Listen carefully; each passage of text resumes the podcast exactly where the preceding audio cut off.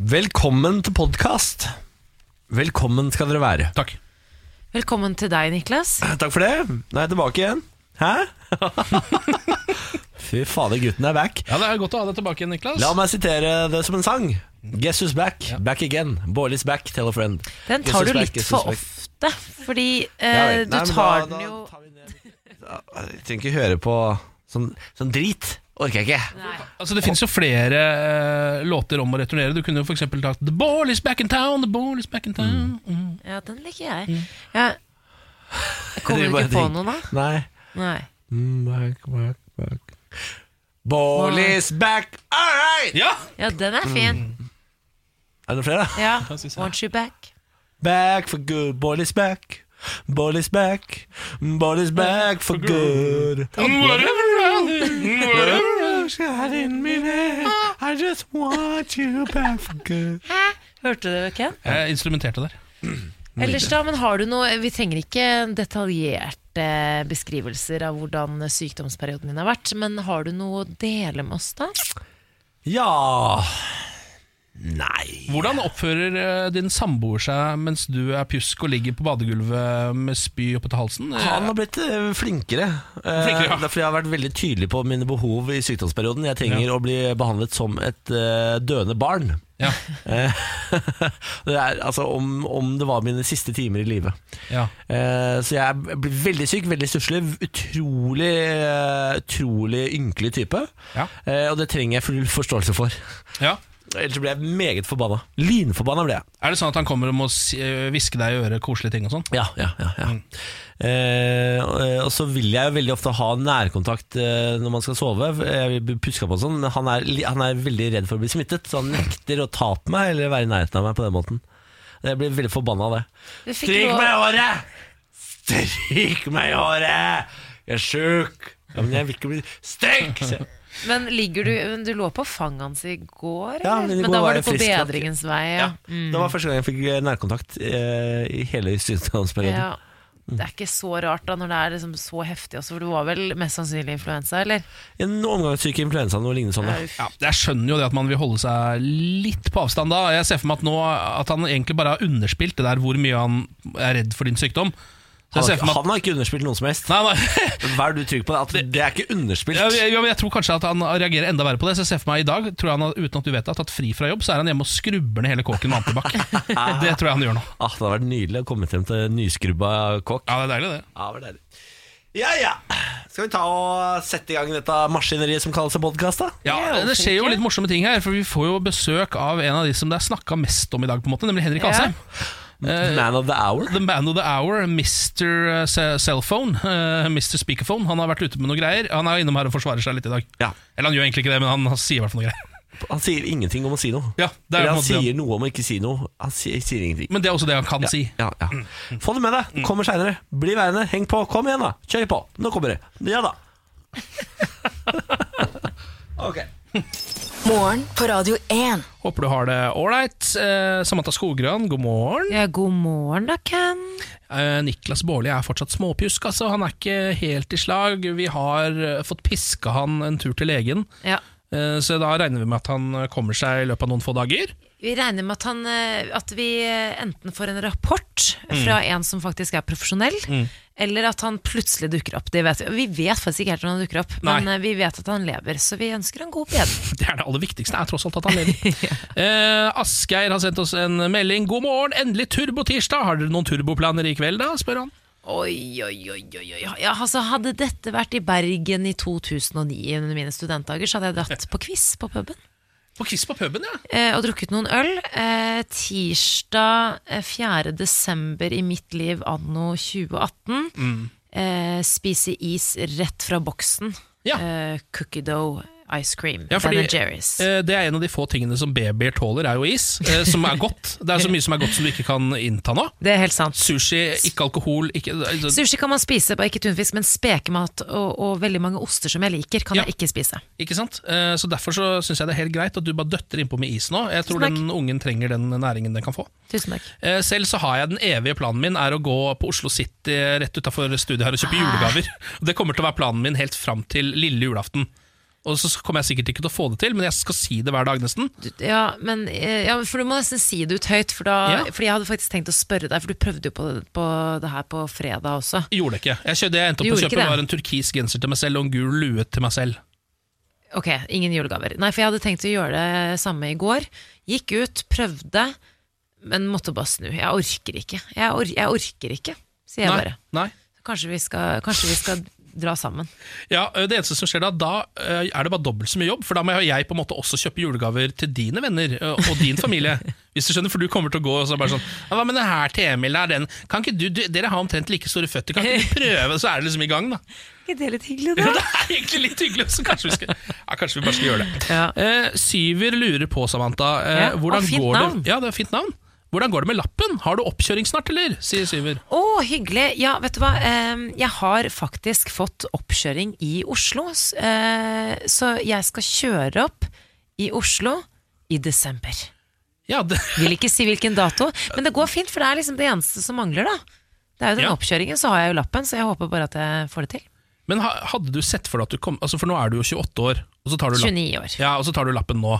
Hadde du sett for deg at du kom til å få den i det hele tatt? Eller er det litt sånn Nei. shit, jeg er faktisk i nærheten av å ta lappen nå? Ja, men det er mer den, for du har heller ikke lappen. Nei. Jeg kan se at du kan kjenne deg igjen i det her, men det er sånn shit, jeg klarer det før jeg blir 30. For jeg blir 30 i august neste år, og hvis jeg stryker gang på gang på gang, så jeg, jeg kommer til å klare å ta den etter hvert, altså. Så jeg tenker sånn at jeg klarer å få til før jeg er 30. Jeg er folk er sånn fy flate, det er på tide, men jeg er sånn shit, Ja. jeg får den før jeg er 30. Jeg er dritfornøyd. Jeg gir en applaus. Det er Kjempebra jobba. Hvis du har lyst til å sende oss en melding, så gå for eksempel inn på Facebook. Der heter vi radio1.no, og så gi oss en liten rapport der inne. For eksempel fortell oss hva som er din lille plan for dagen. Morgen på Radio 1. Hverdager fra sex. Riktig god tirsdag eh, i helgen eh, som var, eh, Ken. Så var jo eh, flere av verdens ledere samlet i Buenos Aires i Argentina for det såkalte eh, G20-toppmøtet. Ja. Som i utgangspunktet er et sånt økonomisk forum hvor man snakker veldig mye om handel osv. Men ut, de siste årene så har det utviklet seg til å bli et, et sted hvor egentlig alle verdens problemer og kriser kan diskuteres. Og i eh, forkant av denne helgen så var det jo mye snakk om om eh, Trump og Putin eh, kom til å møtes. ja. For det er jo normalt at lederne møtes både på konferansen, men også da utenom. Litt sånn som når det er konferanse i, i, din, i din bransje, på en måte, så tar man seg kanskje en pils etter konferansen er ferdig. ja, det pleier å være litt alkohol involvert, ja. Men eh, fordi det har vært en litt sånn eh, anspent situasjon med tanke på konflikten mellom Ukraina og Russland, eh, etter at Russland da skjøt på noen ukrainske marinefartøy, så har det vært litt dårlig stemning mellom Russland og ja, Vesten, kan man si det? ja. Så Trump Bare avlyste vent litt, det er full faktisk saloon. Kan, kan dere holde kjeft baki der?! Sånn, det var bare full saloonstemning eh, bak i studio her, så vi bare få de til å holde kjeft. Ja, jeg vet, eh, jeg håper og tror at de hørte deg, Ja, eller? jeg tror de gjorde det. Ja. Nå ble det stille, ble det ikke det? Jo, fortsett. Takk. Um, Trump avlyste da møtet med Putin, men uh, likevel så har, har jeg fått opp noen bilder her nå. Som viser at de hadde et lite sånn kort møte på sidelinjen av dette toppmøtet. De hadde det. Ja, ja, Trump og Putin. De eh, Og det som er så gøy, er at det, altså, Putin er så pottesur. Og han klarer faktisk alltid å ha et pokerfjes, men akkurat på dette bildet her, altså han er bare sånn No girl, det er den. Det er, sånn tryne har han. Idet Trump går forbi, og så hilser de, og så Det er, liksom, det er greit, men det er så uh, morsomt å se eh, bilder fra når disse lederne møtes, for du får alltid et lite inntrykk av hvordan det er. Sånn når Macron og Trump har sånn handshake off Ja. i tre minutter, om Også- å gjøre holde den lengst, liksom. Jeg så jo at uh, Trump og han uh, saudi-arabiske kronprinsen, bin Salman, de kjørte jo sånn full high five-stemning. Det var Altså, klem. Ja, det var en klem med nesten sånn secret handshake. Sånn kjørte det på en måte de. Ja. Eh, og så, med en gang han da møter Trump, så er det liksom full surning, da. Ja. Eh, Så man ser jo, kan jo faktisk se på en måte hvordan eh, Hvis man ikke hadde visst noe om politikk, så lærer man på en måte nok om hvordan relasjonene mellom landene er, bare ved å se på de møtene. ja, men det er akkurat det. Det er det som er litt gøy. Også nå er jeg jo litt spent på hva som kommer til å skje med den, altså for den konflikten, om den kommer til å eskalere seg. Det er jo utrolig dårlig stemning blant uh, uh, flere av disse landene med tanke på det her, den konflikten altså mellom Ukraina og Russland. Ja. Og eh, alle fordømmer jo på en måte den, eh, den maktdemonstrasjonen som Russland nå viser overfor Ukraina, for ting har jo ikke løst seg der. Nei, nei, nei. Eh, og det løser seg jo ikke akkurat ved at eh, Trump avlyser møter heller, men i lys av det møtet som skjedde nå, så er det litt sånn standby. Ja, det er det. Ehm, det er, jeg må innrømme at jeg likte det faktisk bedre da det virka som de var perlevenner. Ja. Altså Trump og Putin, det, synes jeg, det likte jeg litt. Det var et eller annet med at hvis til og med de klarer å henge og ha det hyggelig sammen, så skal dette gå bra, tenkte jeg. Ja. Trump prøvde jo å gi eh, Putin en leilighet, Ja, han gjorde det. fant vi ut av I før Moskva, helgen. ja. Så, men nå, nå, er det, nå er de uvenner. Eh, husker du TV-serien Allo, allo? Om jeg husker. Ja. ja, ja, Som handla om René, som bodde i Novion i Nord-Frankrike mens det var andre verdenskrig. En, en ekstremt komisk serie. Der var det et maleri eh, som var en slags gjenganger i den serien, som het The Fallen Madonna with the Big Boobies. Yep. Eh, malt av den eh, verdenskjente kunstneren van Klomp. Selvfølgelig. Ja, dette var noe jeg eh, lo meg i hjel av da jeg var yngre. Eh, utrolig Du gjør det fortsatt? Jeg ler, ler fortsatt ganske mye av det. Nå viser det seg fanten meg at The Fallen Madonna with the Big Boobies eh, har blitt solgt for over 150 000 kroner. Altså dette fiktive maleriet av den fiktive kunstneren van Klomp fra Allo Allo-universet. Har nå blitt solgt fordi det er jo altså, Dette bildet fins jo på en måte ikke på ordentlig. Altså, det er jo ikke et ekte maleri. Nei, Men nei. det har jo blitt laget en rekvisitt ikke sant, som de Ja. har hengt opp uh, i eh, den rare kafeen til René. Uh, og det var det nå noen som rett og slett ville kjøpe, og var villig til å gi 150 000 kroner for. Så da har jo på en måte uh, kunsten blitt til virkelighet. Altså Da har The Fall Madonna with the Big Boobies blitt et veldig verdifullt maleri. På ordentlig også! ja, på, Det er ordentlig kunst, på en ja, måte. ja. Men eh, shit, det er, 100, det, er ganske, det er ganske mye penger. Er det noen rekvisitter som du ville betalt så mye for? Oh, ja?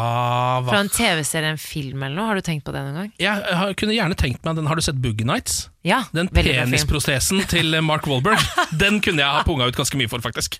Den syns jeg er litt ålreit. Det er veldig, veldig gøy. Og dette her eh, spørsmålet stilte jeg på måfå, så det her har du faktisk ikke rukket å tenke så mye på. Men det, men det var det første du tenkte på, ja. Det tenkte jeg på med en gang. Ja. Har du noe Nei, jeg har jo ønska meg, jeg vet ikke om du husker det, Ken, men jeg har jo ønska meg i julegave en eh, sånn rekvisitt fra The Office. Det stemmer! Fordi det ble jo lagt ut for salg for uh, ikke så lenge siden. Mm. Så jeg ønsker meg fortsatt rekvisitter fra The Office, takk. TV-serien. Var ikke det et barnebilde av Dwight Schrute? som Jo, takk. Det, eh, det, skulle, det må vi klare å fikse. Ja. Dette er morgen på Radio 1. Ehm, nå ehm, en Blink 182-relatert eh, sak som jeg har lyst til å ta opp. Oi! For, for det begynner å bli en stund siden man har hørt så mye om Blink 182 nå. Eh, dette punkrock-bandet som var massivt samtidig som filmene American Pie 1, 2, 3 og The Wedding. Ja. Sånn cirka. Eh, nå har altså Tom DeLonge, som er en av grunnleggerne eh, av, og frontmannen i Blink 182, han eh, har gått på en liten smell nå fordi ufo-organisasjonen hans eh, går 37 millioner dollar i minus. Ufo? UFO-organisasjonen til Tom okay. DeLonge. Okay. dette var noe han, han ga seg nemlig i Blink 182 eh, i 2015, han Tom DeLonge, fordi da ville han starte opp ufo-studier. Eh, han hadde da fått såpass eh, troa på at det var noe der ute, at han ville starte en egen ufo-skole. Det fikk han tilgitt, eh, så den har gått nå i mange år. Han er jo da president og CEO for dette ufo-studiet, denne skolen.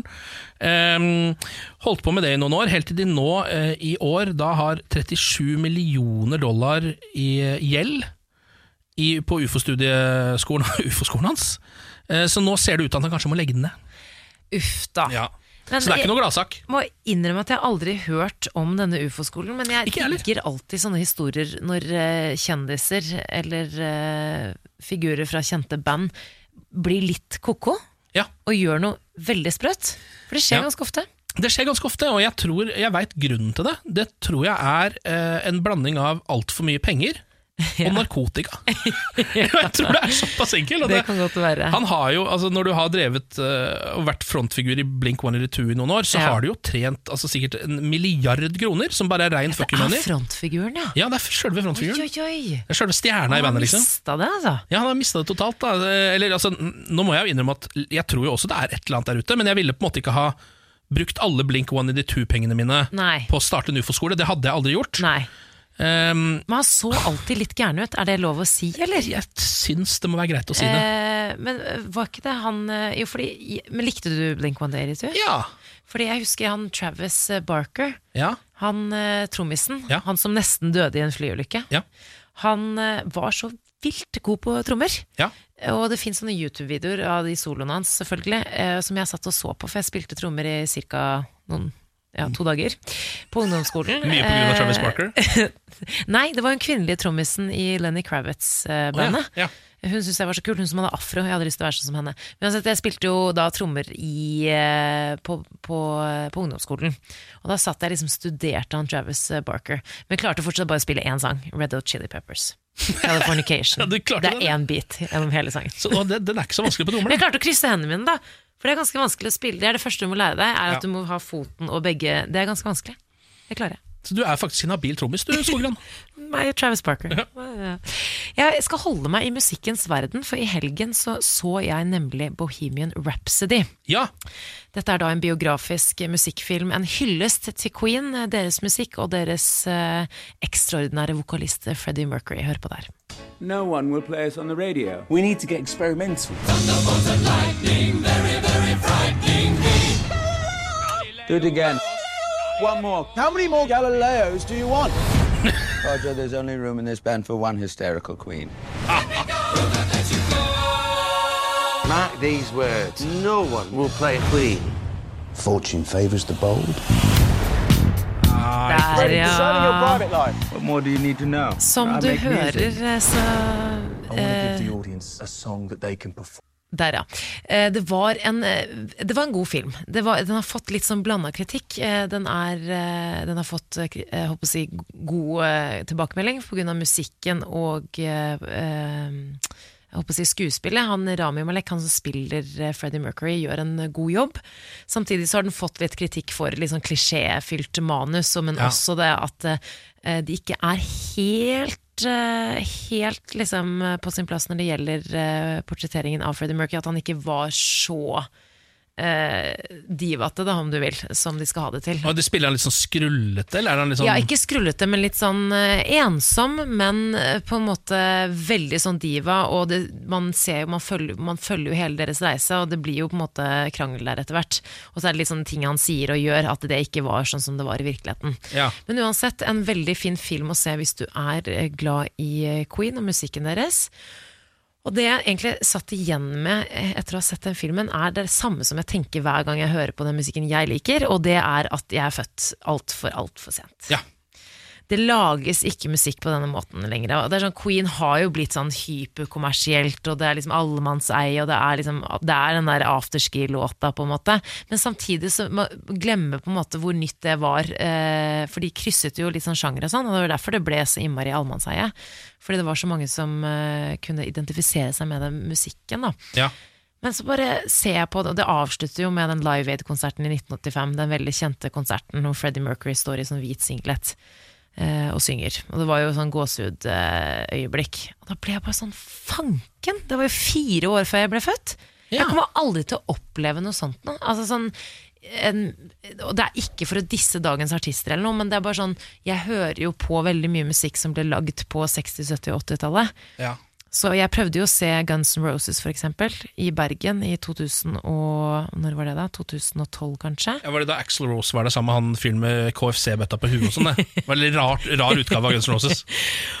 Axl Rose var ikke like heit som han var på YouTube, da jeg, når jeg har sittet og sett på, på videoer fra han, på, han på 80-tallet. Sånn, Jeg kommer ikke til å få oppleve de greiene igjen. Nei. Aldri! Det går ikke. Men det her, for det her er jo ikke eh, artistene sin skyld, men det, musikkbransjen det er ikke like romantisk som det var. Nei. Altså, verken liksom musikken eller det som foregår bak scenen. Det er ikke, det er ikke liksom like sånn uh, Altså, det har ikke de samme liksom uh, Jeg vet, Det er sånn vanskelig å forklare det, men det er, mm, Samme umfen. ja, det er ikke samme umfen! Nei. Det er ikke, altså det, det er bra, da, men det er, ikke, liksom, folk, det er ikke like idioter. De tar ikke like mye dop. Uh, de er ikke like divaer. Nei. Skjønner du hva jeg mener? Alt er liksom, Det har forandra seg litt. Og så er det litt med det kanskje autentiske. Det er veldig mange eh, band som bruker ekte instrumenter. Altså, det, er ikke Ja noe med, det er ikke noe for å disse på en måte dagens musikkproduksjon, men det er veldig mye likt. Ja. Og det er veldig mye sånn bip. Det er veldig mye sånn, det, jeg liker ikke sånne moderne ting. Jeg vil ha skikkelig sånn griserockstemning. ja, du er et 80-tallsbarn, vet du. Jeg er født på tampen, da, sånn skikkelig på tampen. Helt ut på 89. tampen. Helt på tampen. Dette er morgen på Radio 1. Fy faen, dere bare raste inn i desember uten meg. Så jeg syns jeg ingenting om. Nei, vi hadde jo ikke så mye valg da. eh, der du lå hjemme og eh, snufsa og holdt på. Nei, det er sant. Jeg snufsa ikke så mye som jeg hadde feber, og eh, kastet opp alt jeg tok i meg. Kaste opp mye. Eh, utrolig mye oppkast. Eh, Har eh, blitt bestevenn med toalettet mitt. Oi. Eh, og også kjent f- de har, Det positive med dette er at jeg har funnet ut hva den perfekte gulltemperatur på badet er. For Ja. nå har jeg klart å stille opp og ned og finjustere det over tid. Så nå kan jeg ligge på badet mitt uten å fryse, men heller ikke være for varm. Men eh, kjæresten min Emil eh, var bekymra for deg, han også, Niklas. Og var redd for at du skulle bli for tynn nei, når man passer på vekten. Fordi, fordi man, kan bli, man kan gå ned veldig mye vekt. Jeg gikk på vekta i går. 83 kilo. Ja, der ser Men er det sånn vi burde klappe for det? Eller er Nei, det sånn- tror jeg det er sykdomstynt. Å nei, Så det tror jeg ikke nei er vi noe klapp klapper for. ikke for det. Nei, for jeg var, altså, Før sykdommen så veide jeg jo sånn rundt 86. Eh, 87. Har du gått ned så mye? Ja, det er fire kilo på sykdomsperioden Nei, her. og så er det på veldig kort tid, så det er ikke bra. Men eh, det var Spretter nok opp bekymringen igjen. Spretter nok opp Ok, igjen. det er bra. Godt å ha deg tilbake, Niklas. Tusen takk for det. Ada Hegerberg ble historisk eh, tidenes første kvinnelige Ballon d'Or-vinner. Eh, Ja. Gullballen, som vi kaller den på norsk, eh, gis ut av France Football og har blitt en av de mest prestisjefulle prisene i herrefotballen. Og nå først i år ble prisen delt ut til en kvinne, og det var ingen ringere enn vår egen Ada Hegerberg. Og da, blir vi jo, altså, da er det en liten Norge-chant vi må ta der. Ja, Norge, Norge, Norge! Norge. Hun eh, steg på scenen 23 år gammel eh, og takket lagkameratene sine i Lyon eh, og klubbpresidenten, før hun da takket forloveden Thomas Rogne, en annen fotballspiller, og familien. Er hun sammen med Thomas Rogne? De er forlovet. Det visste jeg seg ikke. Hvem i svarte farken er Thomas Rogne? Nei, altså, Han er ikke, en ikke så kjent fotballspiller. Jeg bare vet, vet også hvem det er. Halvkjent. Ja, halvkjent, ja. Han er, ja. Eh, og sier jo selvfølgelig at dette er et historisk øyeblikk for Norge, men også for kvinner. Vi kan jo høre en liten del av eh, seierstalen. I would like to end this speech with some words to young girls all over the world. Please believe in yourself. Merci beaucoup. Soirée. Så det her var det jo mange som grein, og det var jo ja, ekstremt mange kjente fotballtrenere som satt i salen. Og igjen, eh, da hun sto sammen med Cristiano, eh, Cristiano Ronaldo og ble kåret til eh, Var det Europas beste fotballspiller? Ja, det var vel, verdens? nei, det var, ja, det, jeg tror det var en årets spiller i verden. Nå sagt, sto hun med Luka Modric og ja, sto der med gullballen sin. Tenkte jeg bare fy flate, nå har du fått det til, ass. Fy faen, for ei dame, da! For ei dame. Men Skulle, jeg skulle tro det ble spilt på landslaget i fotball eller noe sånt. Kanskje det. Men det ble eh, en liten Twitter-storm, dere. Det kan aldri eh, bli show uten en liten Twitter-storm. For det var nemlig den franske DJ-en Martin Solveig som, eh, som skulle eh, det, Om han skulle dele ut prisen, Han sto i hvert fall på scenen der med henne. Ja. Eh, og mens han sto på den scenen, så ba han henne om å twerke. Ja. Han ba henne altså om å twerke, eh, og dette eh, skapte jo selvfølgelig eh, furore på sosiale medier. Eh, hun tok det veldig pent og sa egentlig rett og slett eh, bare nei, men eh, ja, hør på det her. har J'ai préparé une petite célébration pour, euh, pour Kylian qui a super bien joué le jeu et vi on s'est dit qu'on allait faire un truc un peu comme ça. Est-ce que tu sais twerker Non. Ok, alors on a, on a, cho on a choisi quelque chose d'autre. Altså Hvis du syns lyden er klein, ikke se videoen. Det er veldig fransk, det der. Jeg har veldig lyst til å se den videoen. Så se den, det ligger på VG. Se den pinlige situasjonen her. Jeg gjetter på er den, jeg. Ja, Ja. det er twerky. Ja, det er, det er et eller annet med det, det, det. Fransk er liksom fra før et litt sånn eh, Slibrig. Slibrig språk. Ja. Jeg syns det, er- det er veldig vakkert, men sånn etterpå så, eh, Han sa, måtte, sa jo beklager, og hun bare ja, ja, men det går helt fint. Men så har hun skrevet på Twitteren sin Min mest oppriktige unnskyldning til den jeg kanskje har støtt. Mitt poeng var jeg inviterer ikke damer til å twerke, men danse til en Sinatra-sang. Det er liksom why? Du, du er Ja, ikke er- mer classy bare for at Ja, men Det er franske måten å si det på. Det er liksom, det, alle franskmenn sier sånn oui, oui.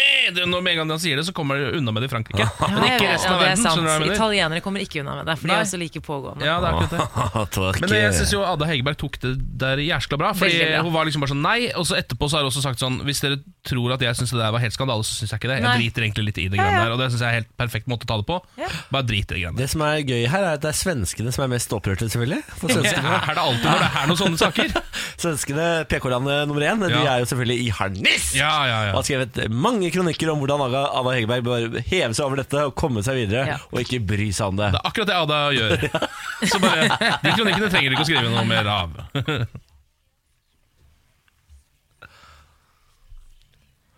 Å, fy fader, det er julekalender. Nå må Ja. dere faktisk nesten ta meg gjennom dette her, Fordi jeg har ikke vært her og s- vært med å starte dette. Nei, det er sant det Hvordan foregår dette? Eh, Dette foregår sånn at Først og fremst så kjører vi i gang julekalenderlyden. Det har du gjort. Eh, bra der. det. Takk for det. Em, og så skal vi lage lyd. Vi har noe her i studio som skal Ja, lage lyd. jeg har lyden. Ja, du har det, ja? Ja, vi må forklare først spillereglene. Var det for tidlig? Ja, litt. Ja, det, kan, det er bra foreløpig. Det er ganske bra Vi må foreløpig. jo forklare eh, Altså, du, du som hører på, hvis Ja. du klarer å gjette eh, lyden av hva det er, altså gjett hva det er, da Mhm. kan du vinne Ja. dette. Og hvordan deltar man? Da sender man Radio 1 til eh, 2464. Det er fortsatt sånn, ja. Ja. Radio 1 til 2464. Hva Det slags- ringer vi opp etterpå. Hva er det vi lager ly lyd med? Ja. Ikke sant? Ja. Og så kan du vinne det. Ja, og Så kan du godt gi noe tint og sånt, for det, ser- ta ut, det er en slags dåse. Det er en slags dåse, ja, absolutt Ja. en dåse. Ta, du kan ta ut litt ting fra den. Jeg vil si at det, er, det er en dåse som inneholder flere ting. Elementer, ja. Mm. Elementer. Ok, skal jeg ta disse tingene? Ja, det så der? ja. Noen av disse tingene Fikk jeg litt ting altså. Det er eh, Se her, Samantha. Ja, Vær så god. takk. Du er jo kanskje best kjent med den dåsa av oss. Ja, Ja, kan, eller, ja, det kan man kanskje si. det er litt vanskelig å få noen av så de det er tingene jo noe, til det er jo lage noen lyd. farger her, da. Skal jeg, jeg har, tok én ting av dåsa, Ja, så jeg dyttet den på mikrofonen. ja det der var kjempeforklarende. Men hvis du, altså, hvis du Ja. Nei, det er ikke så lett å Men det er liksom Altså, Se der, ja. Ja, Se der, ja. Jeg, jeg vil, si- jeg, vi- Farger? Kan informere om at Ja, farger ja, farger er bra tips. Ja. Eh, jeg og Ken har nok ikke vært like mye borti dette. Nei. Ikke på, i nærheten av like mye borti dette som Nei. det du har, Samantha. Nei, det er sant, det. Nei, Dette er eh, jo din dåse. Hvis vi hadde drevet å med teatro, så kan det hende vi hadde brukt dette mer enn det vi gjør. Mer aktuelt da jeg jobbet med TV, kan Ja, jeg huske. Ja, ja, ja. Det er nok der jeg har brukt det mest også. De gangene jeg har vært Ja. gjest i TV-programmer. Ja. Du trenger det du òg. Da, ja da, og ja da. Og jeg er veldig glad når jeg eh, har fått lov til å bruke den dåsa før jeg skal på TV. Jeg kan Ja, si at det, kan komme ett hint til. eller? Ja, Jeg kan si Det står Dior på den ene her. ene tingen. For. Å, det er råflott, da. ja. Ken og hintene han er alltid så god på de. Og her står det Nei. Nei, jeg skal ikke si noe mer. jeg har, jeg har en Vet du hva, jeg har noe med hår i endene. Du har noe med håret i Og Det var bra forklart. Ja, er det ikke det? En lang ting med hår i enden. Ja. Det har vel Ja. Hæ? Nei, jeg skal ikke si det. Hva er det vi holder i hånda, da? Hva er det du kan vinne? Radio 1 til 2464. Vi skal ringe opp en deltaker fem over halv åtte, som skal få lov til å prøve å gjette. Og gjetter de riktig, ja, da får de dette her i posten. Det stemmer. Det har vært mange, mange, mange penger. Ja. Det er ikke så Opptil billig. flere hundre kroner? Ja, det er ikke så billig, det grønne. Nei, det har jeg hørt. Eh, kvinner som har mye av dette, klager over hvor dyrt dette er. Ja. Jeg har ikke peiling på hva det koster selv. Men Radio 1 til 2464, lykke til! Morgen på Radio 1. Nå har de altså endelig delt ut den årlige Bad Sex in Fiction-prisen. Har dere hørt om denne? Nei. Det er en pris som har blitt delt ut- siden 1993, som går til den forfatteren som har den kleineste sexscenen i litteraturåret. Ah. Eh, og det er jo alltid en del ganske klein sex i litteratur. Jeg syns det, jeg synes det er en i hver bok. Jeg. Altså, Ja. I hvert fall én scene som er litt sånn 'Å, herregud, måtte dere ha med dette?' Eh, og nå er det i Kan du beskrive, for, for oss som ikke har lest så mye bøker, ja, som aldri har lest Som aldri har lest en bok? Jeg har aldri lest, jeg har lest en bok, øh, og det er jo da Naiv Super. Der er det ingen sånne scener. Nei, der er det ikke noe, det er ikke noe ligging i Naiv Super. Ingen. Det er helt riktig det. Derfor så er det den beste boka jeg har lest. Ja. Eh, Men nå er det altså James Frey, en amerikaner, som har vunnet denne prisen i år. Jeg tenkte jeg skulle lese opp et lite Ja, utdrag jeg. perfekt. Eh, fra en av sexscenene hans, som Ja. har gjort at han da har vunnet Bad Sex in uh, Fiction-prisen. Det er på engelsk, eh, og det gjør det kanskje enda litt, grann, enda litt verre. Ja, litt. Jeg kjører i gang, jeg. Blinding, breathless, shaking, overwhelming, exploding white god, I come inside her, my cock throbbing, where both moaning, eyes, hearts, souls, bodies one. One white God, come, come. I close my eyes, let my breath out, come. I lean against her, both breathing hard. I'm still inside her, smiling. She takes my hands, lifts them, and places them around her body. She puts her arms around me. We still stay still, and breathe hard inside her, tight and warm and wet around me. We breathe. She gently pushes me away. We look into each other's eyes. She smiles. Altså Gratulerer med pris!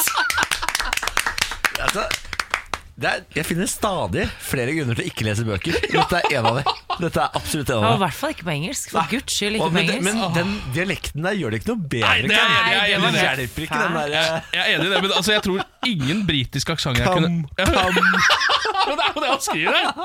Og så har jeg også hadde lagt seg på det derre eh, Jeg skal ikke bruke så mye punktum og sånn eh, som ikke gjør det så veldig mye bedre, det heller. Meg, Gratulerer med pris. Ja. Vel fortjent. Jeg har jo ligget syk hjemme den siste tiden, noe som har betydd at jeg har rukket å se mye TV. Altså Jeg har sett gjennom alt som alle Ja. har snakket om. Og nå gikk jeg løs på min store hvite hval. Nå skulle jeg se The Wire. Serien alle snakker om. Alle som er glad i TV-serier, sier sånn ah, fy faen, The Wire er verdens beste serie. Det var bare The Popo og Five O, fy faen. Alle, alle har 15 referanser fra den jævla serien her. Det går ikke an å ha en TV-seriesamtale med noen som helst uten at de drar opp Stringer Bell, altså. Endelig var det min tur til å ta del i disse eh, deilige, deilige samtalene. Nå har jeg altså begynt på The Wire fire ganger i løpet av min sykdomsperiode. Jeg har sovna under episode én, jeg har sovna under episode to, jeg har sovna under episode tre og måtte starte på nytt igjen. Og nå er jeg altså kommet til episode sju, dere. Nå begynner det å sitte. Ja, så Hva bra. sier du Nå begynner det å sitte! Endelig klarte jeg det! Det er jo helt fantastisk. Takk for det. Du har Tusen klart takk å for det. komme deg over det at du liksom For du har jo egentlig the attention span of a two-year-old. Det stemmer. Jeg er jo helt ubrukelig, i hvert fall på sånne serier. Og det ser altså så gammelt ut alt sammen. Ja, og når du er syk i tillegg og Ja. sånn. Og det er telefonkiosker og personsøkere og alt. Jeg gir fullstendig vanlig. Det er ikke det at jeg er veldig opptatt av telefonkiosker og personsøkere som gjør at jeg likte den serien heller. Altså, bare så det, Det er ikke det. Nei, det er bare så det er sagt. Men det er jo veldig bra. Da. Så nå har du faktisk da, Du har på en måte nesten fått blitt voksen rent TV-seriemessig. Ja. Ja, så det, det jeg har brukt denne uka jeg har vært borte på her nå, er å vokse opp, rett og slett. Men det er fantastisk. Og det som skjer nå, det er at jeg sitter her med dere og gleder meg til å komme hjem og se videre på The Wire. Men føler, føler, gir ikke deg god fø selv, altså selvfølelse? Jo, veldig, men det jeg nå er redd for, er at jeg skal begynne med sånne referanser til The Wire som dere var ferdig med for ti år siden. Og så kommer jeg alltid gå rundt og være sånn utdatert, alle jeg snakker med. Det er, det er problemet nå. hadde du vært på en måte 1920 nå, så hadde det vært innafor. Men du, er på måte, du er snart 30. Jeg er 30 år, stemmer det. Nå Så- kommer snart den, der, den der forferdelige andre sesongen alle snakka om, den der nede på havna. Ja Hører du? Det- Alt dette vet jeg uten å noensinne ha sett episode to. du kan, hende du kan droppe havnesesongen. Altså, det er jo nok å ta av. Ja, jeg tror ikke jeg kommer til å gjøre det. Nei, kommer- For sesong tre er visstnok helt Ja, fantastisk. det er det! Ja. Dette veit du allerede, så det er bra. Det. Dette, alt dette kan jeg, så det er ikke noe problem, det. Du, skal, skal vi eh, sette på en sang, eller skal vi tease at vi skal snakke om kasino i dag? vi kan godt tease at vi skal snakke om kasino. Vi kan gjøre det radiofaglig sterkt og si etter hvert kommer det kasino, dere. Eh, TV TV-programmet du kanskje husker fra barndommen, det er tilbake. Eh, det Og hvis du kommer, skal det, altså gikk altså før The Wire, og nå er det tilbake. og der er det Uff a meg. Ja, vi skal snakke om det seinere. Og hvis du har lyst til å vinne, har vi noe du kan lage lyd med, dere? Det er midt i julekalenderen her. her, her. Der, ja. Hvis du skjønner hva Jeg slår den bare, nå slår jeg den bare mot mikrofonen. Jeg vet ikke om det er noe bra måte å gjøre det på. Nei, det var ikke bra. Ja, nei. Eh, Dette er eh, Kvinner har mest peiling på dette. Det er dyrt å kjøpe. Vi har brukt det når vi skal på TV. Vet du hva dette er? Radio 1 til 2464. Fem over halv åtte, så det ringer en deltaker. Å, jeg var det litt speil, eller? Å ja, nei, å, ja, det er god. Den er meget god, Ken. Der er god, der er god. Morgen på Radio 1. Hverdager fra seks. Radio 1s julekalender presenteres av Idun Miros. Radio. Og så sier vi hallo og god morgen til personen vi har ringt opp. God morgen! God morgen. Og hva heter du, da? Jeg heter Julia. Nå, altså, nå følte jeg at jeg fikk sånn Julie Skomaker på stemmen. Ja. Velkommen til oss. Velkommen til Kom inn, da! Hei, Julie. God morgen. God morgen. Hvordan står det til med Julie i dag? Eh, I dag står det til ganske greit. Hvor i landet befinner du deg, da? I Egersund. Egersund, Der er det veldig flott. Jeg har vært i Egersund og sykla eh, Nordstritt, og det starter vel i Egersund, gjør det ikke det? da? Jo, det stemmer det. Ja, fy fader, det var, det var et helvete, Julie. Det der Nordstritt. Nei, jeg har ikke tenkt det. Nei, Du må ikke finne ti mil på sykkel. Huff a meg. Men du, hva er det du det- eh, driver eh, Hva er det du driver med? Eh, Jeg er på jobb. Du er På jobb? Ja. Allerede. Hva jobber Ja. Julie med da? jeg er metodeingeniør for Alpha Solutions. Å, dæven steike, hør på hun da. Sa seriøs jobb, da. Ha, Fy fader. Er det olje, eller? Eh, Ja. Olja, ja, nettopp. Ja, det er du som sørger for at landet får penger. Det er veldig bra, Julie. Uten deg hadde vi stoppa ut. Ok, Julie. Dette er jo julekalenderen. Vi hadde lagd noe lyd av noen greier som du skal få lov til å gjette på hva var for noe. Nå har altså Ken denne greia i hånda. Ja. Oi, Da åpna jeg den på en måte opp. Den Ja. lager ikke så veldig mye lyd, denne greia. Men så nå, nå Ai, se der, ja. Der er den, åpner jeg den opp, og så oppi her masse ting. Eh, liten, oi, der falt det ut noe greier med en børste på. Ja. Her er det en eh, dings som man åpner. Oi, og så er det litt et sånn slags Farge, speil, og så er det noe Lukter litt godt. Det er noe farge på det. Nå tar jeg på putter jeg det i trynet. For det er ofte der man putter det. I trynet. Du putter det i trynet. Hva tror du dette er for noe, Julie? Eh, Sminke, tror jeg dere har. er riktig. Det stemmer på en prikk. Det, da blir det sminkeposten på Julie. Er det en kvinne som sminker meget, middels eller eh, lite i fjes? Um, lite vil jeg egentlig si. Men Er det, kanskje jeg sminker meg i mamma. Ja, du må, nå må du bare kjøre på. vet du Nå er det bare å kjøre fullstendig bulgarsk stil. Er det bulgarsk som er, Er det de som som er med, Det er bulgarerne som har mest sminke i, i Europa. Ja, Det er min oppfatning av det, men ja, ja. jeg kan selvfølgelig hende at det ikke stemmer. Men nå har du i hvert fall mulighet til å gå fullstendig Bulgaria i fjeset, Julie. Hvis du har lyst til det. Ja, ja. Eh, og da sier vi takk for at du deltok i kalenderen. Ha en Ja, fortsatt fin dag. Takk i like måte. Ha det på badet, da. Ha det på det. Radio 1s julekalender presenteres av Idun Minerals. Lytt hver morgen ti over sju for å vinne. Radio 1. Morgen på Radio 1. Hverdager fra seks. Nå leser jeg på nrk.no at Bioteknologirådet vil åpne for mer genmodifisering av mat. Ja vel, ja. Bam, ba, bam, ba, ba. Dette er jo noe som får eh, det til å gå kaldt ned i ryggen på veldig mange, eh, meg sjøl inkludert, fordi sånn genmodifisering høres veldig veldig skummelt ut. Sånne gigatomater? For eksempel, det er ikke så skummelt egentlig, når jeg leser videre her. Norge har jo en lov fra 1993 som gjør at vi er noen av de strengeste i verden på genmodifisering. Det er Ja. nesten ikke lov til Ja. å genmodifisere noe som helst i Norge. Eh, vi er kjempestrenge på det. Ikke en eneste tomat eller potet skal være ge genmodifisert. Typ. Nå skal man eh, eh, mjuke litt opp i dette her. Man har lyst til å dele det inn i tre forskjellige nivåer.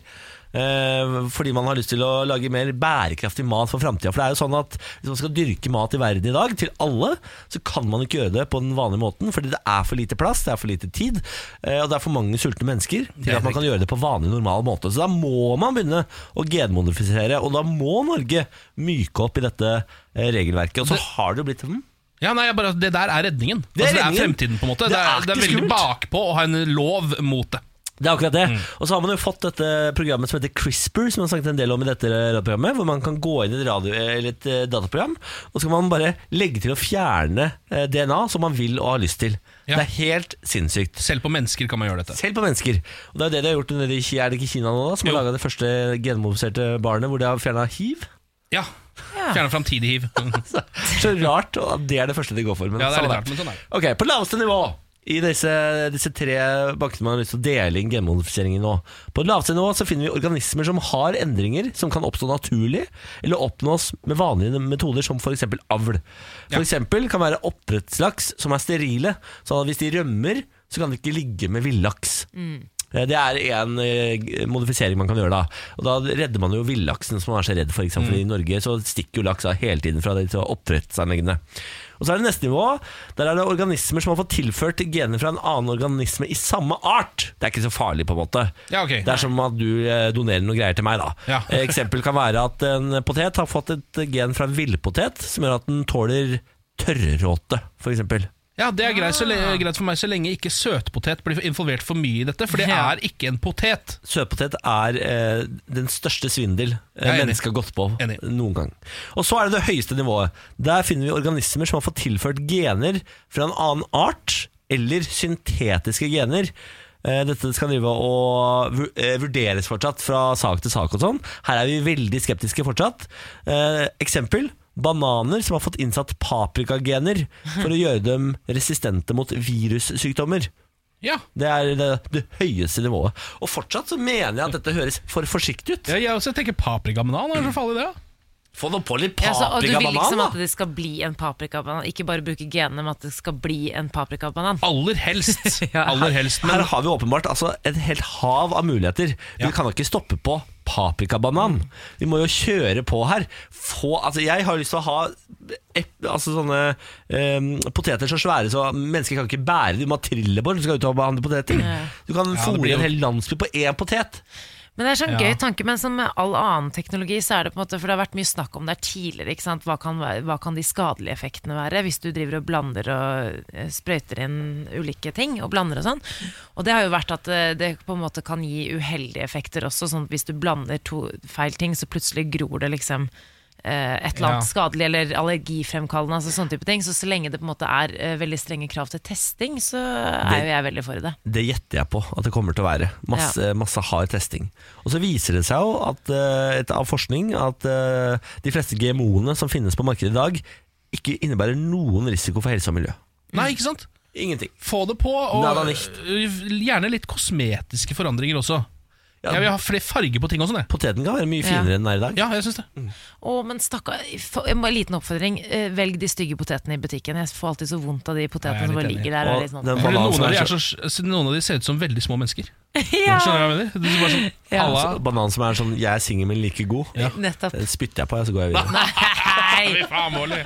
Fra forskning til eh, høykultur, la oss ta en prat om eh, en av de største hendelsene i helgen. Nettopp at eh, kasino er tilbake. I A-klassen, Halvard Flatland, kasino! Men aller først så um, skal dere få hilse på min medhjelper, og det er Birgitte Seifert, som dere får ta godt imot. Ja, Dette var jo da lyd fra den gamle kasinoen, Ja. eh, da Halvard Flatland eh, hadde en annen hårfarge. Uansett, han har fått, eh, programmet har fått slakt, rett og slett. Jeg så det. Terningkast to av Dagbladet. Marie Kleve skriver en hyllest til materialisme og utdaterte kjønnsroller. Eh, Morten Ståle Nilsen i VG skriver 'Skulderpute-TV'. Ja. Men på 90-tallet da var vi jo crazy etter kasino. Det var jo på det meste sånn eh, nesten en million seere, tror jeg. Jeg husker at vi flytta tidspunkt for fotballtreningene våre, så alle skulle rekke hjem til kasino. Så vilt var det. Det er altså snakk om fire eh, sånne jubileumsprogrammer, da. Em, Og det er bare fire programmer, ja. Det skal Jeg ikke gå tror det. liksom. Ok. Eh, Det var det som var planen, i hvert fall. Mange som, eh, det er mange som reagerer på at de gjenoppliver dette konseptet med tause Birgitte. Og det er jo den samme Birgitte som var eh, på 90-tallet. Em, en stum blondine hvis eneste oppgave var å stå stivpyntet ved siden av premier og kasinobord og smile pent, som om hun var en premie selv. Eh, Men det var jo ikke del det. er jo en st stor, viktig Ja, ja, du ikke differensiering. vinne Og var ikke en premie. Nei, nei, nei. Men TV Norge har jo uttalt til Dagbladet at det var hennes eget ønske om å forbli taus. Ehm, Men det er veldig mange kritikere som mener at det ikke gjør rollen hennes noe mindre problematisk osv. Jeg fant et eh, intervju med Dagbladet hvor eh, Halvard Flatland og Birgitte Seifert kommenterer eh, denne kritikken litt i forbindelse med metoo og sånn, som mener at det her er litt dumt at hun fortsatt er taus. Eh, Hør på det. Du kan si at dette er jo gjensynsglede i min verden, så jeg føler kanskje ikke at dette er arenaen for å slå den fighten. Men, eh, men jeg er opptatt av kvinners ståsted og syns metoo har vært kjempeviktig, jeg altså. Nå skal det jo sies at Den gang eh, vi startet opp, så var det en ren tilfeldighet at hun ble taus. Ehm, og Etter hvert så ble det opp til Birgitte å avgjøre om hun ville begynne å snakke i de sesongene som fulgte. Eh, men å trekke de som noen paralleller til metoo når man skal lage fire jubileumsprogram fra noe som ble laget fra 30 år siden, det tror jeg man kan holde seg unna. Ja, så da har du jo eh, Ja, da har Ja, men herregud. Hun er jo opptatt av kvinners ståsted og sånn, hun da. Ikke tenk på det. Men har dere tenkt å se på kasino da, gutter? Du vet hva, jeg skal være helt ærlig Så gikk det meg hus forbi at det startet i helgen Fordi Ja. hadde jeg visst det så hadde jeg sett på det Ja, jeg også. Så jeg må, men jeg har Dplay Så jeg kan gå inn og se på det i dag Eh, Jeg skal gå inn og kose meg med litt casino Men jeg skal, jeg skal være enig i en ting, og det er, det er en slags gjensynsglede. Ja, Det, det det, kan ja. jeg være enig i. Ja, bare litt fordi den derre der kosen, litt sånn som du sa, Ken, om at man liksom endrer tidspunktet for det. Altså, det var noe man på en måte så på eh, Men- sammen. Men hvordan er det det fungerer? For han står på en sånn blackjack og sånn hva, hva, Eller sånn rulett hva, hva bruker han det til? Hva han bruker Eh, ruletten til? Hva bruker han ruletten til? For jeg husker ikke hvordan det foregår dette programmet Oh ja, Jeg sånn, husker ja. bare kulissene på en måte Ja, nå, nå husker ikke jeg heller hvorfor hadde den ruletten har med saken å gjøre. Men det var, men det, Men det er jo, altså, Han skal jo dele ut ting og sånn. Altså, det er sikkert sånn de som Altså, det er jo noen konkurranse, noen spilleregler der, holdt på å si. Nå er det tre stykker som hjem. må- må hjem og se på kasino her. Ja, ja. jeg skjønner det. Ja, ja, ja. Vi må faktisk det. Ja, vi må det. Eh, en kjapp oppdatering på eh, den nederlandske mannen som gikk via rettssystemet for å få lov å være 20 år yngre. Husker du denne mannen? Ja. Emil Ratelband. Han er egentlig 69 år, føler seg som en 49-åring. Det, det, var et oppgjør med transkjønnede, var det ikke det? Ja, på en måte så var det litt det, fordi han mener at jeg er 69, men jeg bor i kroppen til en 49-åring. Eh, så jeg, dette må rettssystemet anerkjenne, og bare sånn at det står på min Eller alle mine papirer at jeg er 49. Eh, nå, har han, nå er rettssaken over. Jeg ble avvist. Han, Nei! han tapte, ja. Han, Sier han det. tapte i Men rettssystemet. jeg heia på han. Ja, jeg gjorde det litt, selv om det hadde jo Det hadde åpna opp for veldig mye spesielle greier som kunne skjedd. Ja, ok Eh, da. fordi akkurat når det kommer til rettssystemet, så er det liksom på en måte ikke noe kødd. Fordi én ting setter jo Altså, Presedens? presedens. Så hvis han hadde kommet gjennom dette, så måtte liksom alle plutselig kunne bare gått inn der og ja, hvor, hvor gammel føler du deg i dag? Nei, i dag eh, Jeg føler meg litt eldre i dag. Jeg, kanskje jeg kan være 55 i noen år nå? Jeg føler meg 17, får ikke lov til å kjøpe øl. Ja, Det er dumt å gå den veien! Veldig dumt å gå den veien. Men tenk det har gått andre veien. Da. Det kommer en tolvåring som bare Du, jeg føler meg 18. Hva skulle du gjort, da? Hadde blitt her, helvete. Ja, Nei, det er godt de har vettet i behold i rettssystemet nede i Amsterdam. Ja, ja. Amsterdam, I det amsk- amsterdamske rettssystemet så har de da funnet ut at Rattleband er 69 år gammel. Hva er det for en dialekt? Jeg føler at det var litt sånn eh, tidlig TV 2-nyhetene. Så var alle bergensere, og så snakka de sånn. Ja Nydelig. Morgen på Radio 1. Hverdager fra seks. God morgen og god mann. Ikke mandag, tirsdag er det blitt. Det er tur på tirsdag, tross alt. Det er tur på tirsdag. Eh, vi har fått en melding fra Marius. Hver gang jeg hører denne sangen av Daniel, synger jeg Habada Day. Nei. Habada da Bay. Hab, Habadada bay, habada downtown. I stedet for Had a bad day. Og nå Ja. gjør kanskje dere det også. Ja, Habadada Habada day. Ja. Det? Er den. Ja, ja. Da, da vet du hva Marius eh, mener. Ja, Eh, Abid Raja er sykemeldt etter utskjelling fra Trine Skei eh, Grande. Dette er jo den politiske snakkisen i dag. Venstre-representant Abid Raja skal ha blitt sykemeldt som følge av å ha blitt skjelt ut av partileder Trine Skei Grande, da Raja, som representerte Venstre under eh, budsjettforhandlingene med Frp, Høyre og KrF, eh, satt sammen for å finne ut av ting, rett og slett. Og eh, leder av finanskomiteen Henrik Asheim var på telefonen med Trine Skei Grande for å avklare noe. Da satt han da eh, sammen med eh, Abid Raja og Helge André Njåstad fra Frp. Eh, dette er jo Dagens Næringsliv som, som har breaket denne saken her. Før eh, dette møtet eh, så hadde da eh, Frp-leder Siv Jensen sagt at regjeringspartiene, inkludert Venstre, var enige om å reversere kuttet i støtten til Human Rights Service. Raja hadde sagt det motsatte, visstnok. Så Henrik Asheim plukket opp telefonen, ringte Venstre-leder Trine Skei Grande, som var i Madrid, og skulle avklare dette. For Abid Raja sa én ting, og Trine Skei Grande sa en annen ting. Eh, og i det hun trodde var en fortrolig samtale med Henrik Asheim, så fortalte hun at eh, hun mente at eh, Abid Raja eh, var ute etter henne som partileder. Han er ute etter å ta meg, han driver en kampanje mot meg og drar partiet ned i gjørmen. Eh, hun var jo selvfølgelig da på høyttaler, så alle hørte hva hun sa. Det er smell. Ja, Det er fordi Henrik kjører alltid speakerphone. Her, altså, ikke- bare litt kritikk til Henrik, som jo kommer hit om 20 minutter. Ja. Eh, man må alltid si ifra. Det er regel nummer én. Hvis du tar noen på høyttaler, så er det sånn Hei, Trine, du er på høyttaler. Ja. Men jeg Det er- tror- ja. Og starter der. Ja, jeg er enig, for jeg tror kanskje Henrik Asheim tenkte at dette er en konferansecall. På en måte, fordi det er jo eh, to folk som sier forskjellige ting her, så skal jeg høre hvem av de Eller hvor uenige de er med hverandre. på en måte Ja. Men ifølge DN så, var jo, så sa hun startet samtalen med å si at hun satt på en kafé med et glass. I Madrid. var dri- Drita full, da. Hei, Henrik. Jeg bare, jeg bare, bare sier fra hvis du er drita full, eller i Madrid, da. Er, sånn, er det dialekten hennes? Ja, hun er fra trønder, ja. Ja, trønder, ja. ja, ja, ja. Det er omtrent sånn hun snakker. Hun verst. snakker akkurat sånn nesten. Men uh, uansett så, så uh, skal hun ikke ha fått beskjed om at hun var på høyttaler. Nei. Eh, så det, det er jeg helt enig. Vi må, vi må spørre han om akkurat det. Om han, ikke, han har ikke villet kommentere saken. Vi får grille han litt etterpå når han kommer til oss. Å, oh, herregud, herregud, det er godt å ringe. Å, herregud er Abid, han er ah, idiotene har partiet her. Vent litt. Por favor! Can you please get one more bottle of wine over here? Og cirka der, Henrik, burde du sagt eh, Jeg kan forresten si at du er på speakerphone. Vi kan jo høre litt lyd fra da hun ikke var full, da hun kommenterte denne. Nei, Jeg er veldig lei meg for at han er sykemeldt. Jeg er veldig lei meg for at jeg sa noe skikkelig dumt i en oppheta situasjon som jeg har sagt unnskyld for. Eh, Det hender av og til at man jobber tett sammen og, og uttrykker seg på måter man ikke skulle ha gjort. Men mener du at Abid Raja undergraver deg som partileder og partiet? Nei, det mener ikke han undergraver meg. Jeg mener han gjør en fantastisk jobb for Venstre. Jeg er kjempeglad for den jobben han gjør. Jeg tror ikke på deg. Skal jeg se, la, la meg bare følge på deg.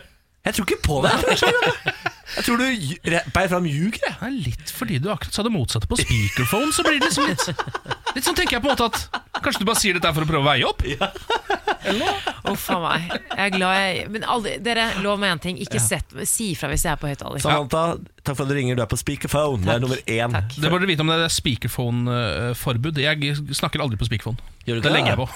ja, ja, men jeg er ikke kødder, det gjør jeg faktisk. Da skal jeg bare legge på hvis du noen gang nærmer deg speakerphone. Morgen på Radio 1. Guten morgen, Ken. Hallo. Guten morgen, Samantha. Hello. Guten morgen, Lars. Guten morgen. Det er dags for quiz.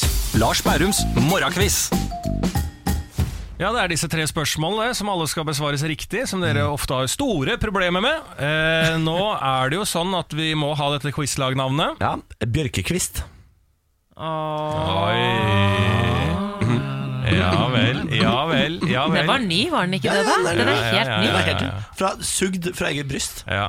Oi. Inspirert fra en annen quiz der du hang deg opp i at eh, pinnekjøtt eh, kokes på eik, og så visste at det var bjørk. Ja da, Men nå skal jeg aldri glemme det, så nå heter vi Bjørkekvist. Ja, så da er det, det Det setter jeg som quizmaster pris på, for her er jo læring som skjer i gruppa. Det ser jeg, og det nyter jeg. Denne quizen har jeg valgt å kalle null av tre riktige. Det er bra, for det er rett opp i Spørsmål nummer én. Hva kalles læren om insekter? Nå begynner du å skjønne hvorfor overskriften er null av tre riktige. Hva er det latinske ordet for insekter, da? For det må vi jo vite nå. Læren om Insektas, insekter. kanskje. Insektas Insectus gadget. Ja, Um, Ja, her sto det stille, men jeg må jo ha svar på Har alle du noen spørsmålene. hint til oss da, quizmaster? Ja, altså Vi skal fram til et sånn eh, navn som eh, slutter på logi. Ja. Det hjelper ikke er det, Fins det et norsk ord for dette, eller er det internasjonalt, eh, føler du? Jeg føler at det er ganske internasjonalt, Ja, det er eh, det. som de fleste logier. Kryp Hva for insek Ja, insekt, insekt Ins, Insectology Insektologi? Hva Men kalles læren om insekter? insekter. Det er sikkert Nei. ikke noe med insekt. Det er sikkert et annet ord for Ja, det. er Ken, det. du pleier å være god på sånt. Ja, jeg, jeg prøver liksom å komme opp med Jeg må komme bare på det arachno, som er edderkopp-ting. Ja, Ja, arachnofobi, ja. Ja.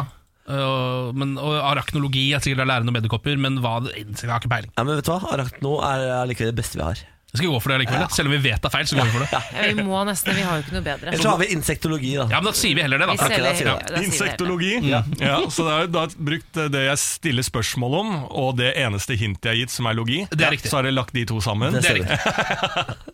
Det er ikke sikkert dere får poeng for, men eh, vi går til spørsmål nummer to. Ja. Hvilken fisk tenker jeg på når jeg sier havets sølv? Og er det sild, eller? Havets sølv. For du uttaler V-en i sølv. Ja, ja. Hvorfor sier du sild? Ja, vent da. Dette vet jeg egentlig. Havets sølv. Havets sølv. Dette vet jeg egentlig. Det er en bitte liten fisk, i hvert fall. Å, ja. Eh, og den svømmer i stim. Eh, er det Men er ikke sild er ikke, Det er jo ikke et dumt forslag, det. Nei da. det er ikke dumt, men er det rett? Det Det er kan mest en forskjell. Det det er veldig bra kategorisert av forslag som pleier å bli kasta ut her. Det er ikke det dummeste vi har sagt, men er det rett? Ok, eh, for jeg, nå- ah, det, er en, det er en fisk jeg ikke kommer på hva heter for noe. Som er sånn liten Sardin, kan det være? Ja! Nå lo han, ellers hadde vi trodd vi kunne gått for det fort. Ja, men det var fisk jeg ikke kom på. Sardin. Det var bare en morsom setning. Sardin, sild, krill. En av de tre tror jeg det er.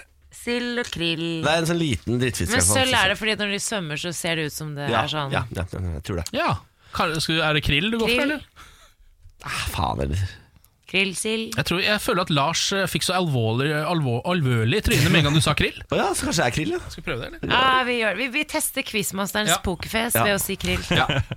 Da er eh, havets sølv er da krill. Da går vi til spørsmål nummer tre. Hva heter valutaen i Thailand? Det er BAT Ja, bart, ja! Det er riktig. Bart. Det er ikke overraskende at du kan det. Nei, for jeg har vært i, tysk, eh, nei, i Thailand, og jeg har brukt altså så mange baht på å kjøpe vodka Red Bull buckets. Oh, yeah. how, how many bahts for the bucket? Ah, Å, yes, yes, yes, yes. How many før. for the bucket? oh, det var en harry tur. Ja, det stemmer. You can come in and watch at the ping pong show. Ja, 200 baht and det, you be here. Oi, var du på pingpongshow? Absolutt ble rana. Oi. Ja. Skjønner jeg godt. Jeg og Benjamin gikk inn på pingpongshow, satte oss ned for å se. Eh, Det kom en eh, artist ut på scenen og skulle få ting ut av fitta. Eh, Satt fast Vagina, Du sa vagina, artist, du fant Men du yes, Ja, ok. Mm. Og eh, setter fast pingpongballen, eh, får den ikke ut. eh, Ligger og dasker underlivet mot scenen for å få den ut med kraft. Oi, Etter hvert så spetter den ut. Så kommer det eh, en horemamma med masse horer, setter seg rundt meg og Benjamin. Når vi sier nei takk og vil gå, sier de You cannot leave before you pay the girls. Ja, okay. Kanskje ja, du blir rana for at du kom med den dårlige spøken. Hvilken Butts. How many butts for a... The bucket? Det er ikke en spøk, det. Ja, Det var, det var et spørsmål jeg stilte veldig ofte. Ja. Jeg, tror, jeg skjønner hvor du vil hen, Samantha. At Ja. Man tror jo Ja. ikke på at han har gått og kjøpt buckets med Red Bull hele tida sammen med kjæresten, men det har han. Det var ikke spøk. Eh, okay, Jeg har nok glemt at det var quiz ja, eh, ja, i den av denne historien. der. Vi får alle svarene. Hva kalles læren om insekter? Her svarte dere insektologi. Fordi at jeg hadde gitt et hint om at det er logi, og dere tok da insekter og putta det foran logi, og det ble insektlogi. Det riktige svaret er entomologi. Entomologi! bra, er Da kan vi det fra denne dagen og ut. Da Vi klarte logidelen av det, så vi burde få poeng for det. da Ja, enig. spørsmål nummer to. Hvilken fisk tenker jeg på når jeg sier havets sølv? Eller havets sølv? Her var det- Her sto det mellom krill, sild og Sardin. Krill, sild og sardin. Her endte dere på krill, for dere mente at dere kunne lese mitt pokerfjes. Det riktige svaret er selvfølgelig sild. Men bra jobba, Niklas. Oi, oi, oi. Jeg var god der, da. Ja, det, Jeg var, god det var det første Niklas sa, men eh, så drev, drev han og snakka litt med seg selv, og fant ut at det til slutt var krill. Nei, Jeg hadde lyst til å si sild, men så, øh, så hadde de lest pokerfjestet ditt. Ja, Men du begynte å surre deg bort. Du hadde ikke svaret. Men så begynte du å nevne alle mulige andre fisker. Hva er det jeg ikke kommer på? Sardin, ja. Og så var det i gang. Det var i hvert fall feil. Spørsmål nummer tre. Hva heter valutaen i Thailand? Og her kunne Niklas Baarli melde seg på igjen. Og det er batt, for det han har kjøpt Red Bull Buckets i Og Og Thailand. Og pingpongshow. Kan jeg informere om at jeg fortalte den historien en gang på NRK mens øh, hun der øh, Hva er det hun krigsreporteren heter for noe? Hun, Åse Seierstad satt og hørte på. Ja. Åse Seierstad begynte å gråte. Og ville, ville ikke bli intervjua av Ja, det er forståelig. Hva er det jeg er med på?! Hva er det jeg er med på? Ja, det Så fikk jeg overtalt den til intervjuet likevel. er get. Ja, ok. Så takk for det, Åsne. Takk for det. Eh, Lars Berrum, Ja, ha det. ha det. Morgen på Radio 1. Hverdager fra sex. God morgen, Henrik Asheim. God morgen, god morgen. Vår faste huspolitiker på plass, han da, vet du. Å ja da. Eh, du har eh, stått på med statsbudsjett hele natta, eller? Ja, vi var faktisk ferdig i ellevetiden. Ja, så det var faen. eh, litt før eh, vi pleier. Ordna seg? Ja, Ja. ordna seg. Store ja, ja, altså det er jo, nei, nei, nei, altså poenget er at det her er jo Budsjettet er ferdig og forhandla, og flertallet er der, Ja, og sånn så men så skal liksom- man jo diskutere det. Oh, ja. Og da holder man på fra ti om morgenen til ja, ti om kvelden. Diskuterer ting som allerede er satt, Ja, bare for å ha gjort det. ja, ja, ja. Det er faktisk det. Alle vet åssen det kommer til å ende. Dere er så søte, dere politikere. Ja, det er for, vi, gjør det for, vi gjør det for folket. Veldig søte dere. Ja. Um, vi må innom det, Henrik. I Ja. går så dukka det opp en sak som du er involvert i. Ja. Uh, forrige uke uh, Nei, skal jeg si, for en stund tilbake så satt jo dere og forhandla dette budsjettet, da. Ja. Uh, I rom, du, Abid Raja og tredjemann som heter Helge André Njåstad Ikke sant? fra Frp. Og så skal dere diskutere støtten til Human Rights Service. Mhm. eh, og da skjønner jeg at Abid Raja sier Vi vil ikke støtte de, eller vi vil støtte de. Ja, altså at eh, ikke sant, Poenget her Det er en litt kjedelig historie, men eh, F, altså, regjeringen foreslo å kutte HRS med en halv million. Ja. Human Så Rights Service. Ja, Human Ja. Rights Service. Og så oppdaga Frp det. Og så ble Frp sure på det, og Ja. så sa regjeringen ok, da må vi fikse det i budsjettforhandlingene. Vi må få opp igjen en halv million. Ja. Så uh, sa Venstre i utgangspunktet det vil ikke vi være med på. For nå er du ikke lenger i regjering, nå er du på Stortinget. Ja. Og så var spørsmålet hva gjør vi da i budsjettforhandlingene? Ja. Det var det vi diskuterte. Og så ringer dere opp uh, Trine Skei Grande eh, for å få svar på dette. Ja. Uh, og så deiser hun til Abid Raja mens hun er på høyttaler uten å skjønne det sjøl, via din telefon! ja, Men det er her jeg ikke kan si noe mer. Oh, ja. Eh, og det er helt riktig at det er via min telefon, eh, men sånn, eh, om det er deising og det ene med det andre Alt dette her er, dette er så vanskelig for politikere, fordi her leter journalister etter ord. Ja, det er det men, de gjør. men eh, Henrik, kan ikke du bare si ja eller nei mens jeg og Ken spiller ut dette? Skal vi se om det var omtrent sånn dette Ja, skal vi se om det var sånn det var. Hei, Henrik. Jeg sitter her nede i Madrid og er, er egentlig litt sånn tipsy. Nei, sånn var det ikke. Ok. Hei, Henrik. Jeg sitter her nede i Madrid med glass. Hva er det du driver med, da? Det er ikke noe problem, jeg er også full. Herregud Jeg klarer ikke mer han der jævla jeg får, en jævla miss. Altså, jeg bare ødelegger alt for venstre. Jeg orker ikke. Jeg kunne sett og fått sparka ut av Hva Åh! Det var ikke sånn. Det var ikke sånn.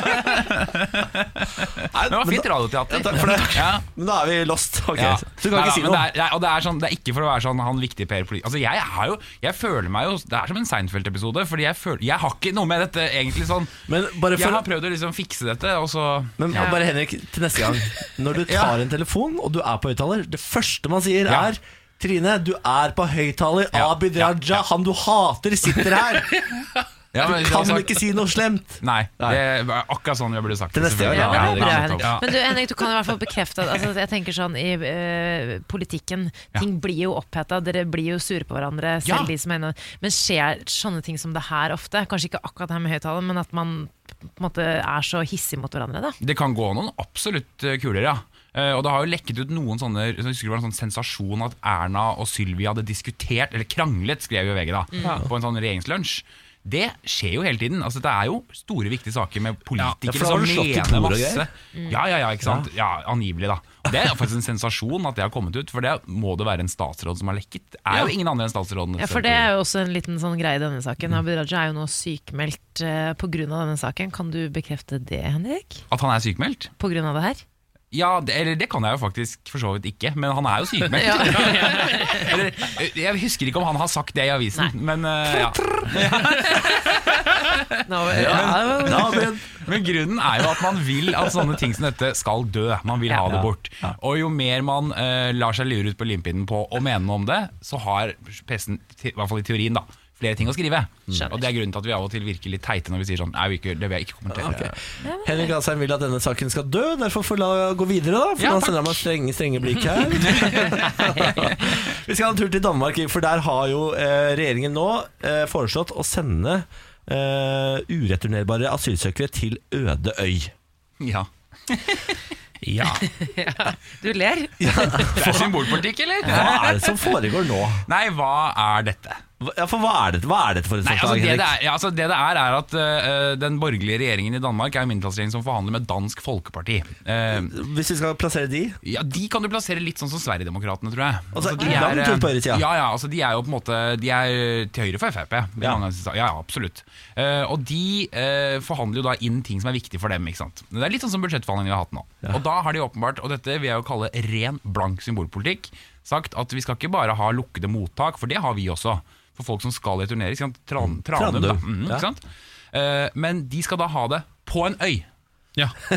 Altså, Sånn at det skal ikke bare være svømme i land engang Det skal ikke bare Ja. være en øy, men det skal være øde. Uh, og det er ikke så mange sånne øyer igjen, tenker jeg, som er øde nå. Eh, det var veldig mange på sikkert 1600-tallet og sånn, men nå Ja. blir det færre og færre av de. Ja, det gjør det. blir vanskelig å finne de øyene. I hvert fall liksom utenfor Danmark. Altså, Ja. sånn, kanskje i Stillehavet. Men uh, Henrik, når du sier symbolpolitikk, hva mener du med det?